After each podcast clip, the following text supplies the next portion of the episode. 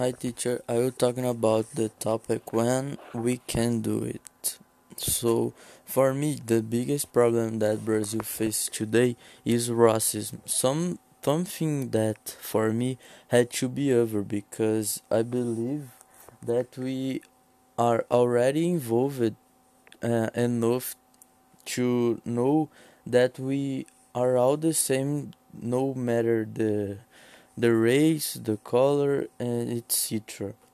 And from the moment that there are people who don't understand this, for me, it becomes a, a very serious problem because it affects everyone and everything since people do not respect each other.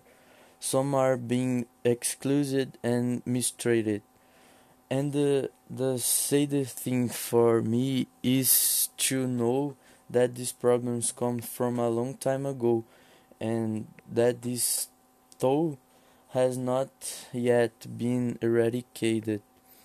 Uh, i think the the best solution is from the time children are taught that we are all the same and for the elderly I think that more attitudes of empathy had to be made. It is. Thank you.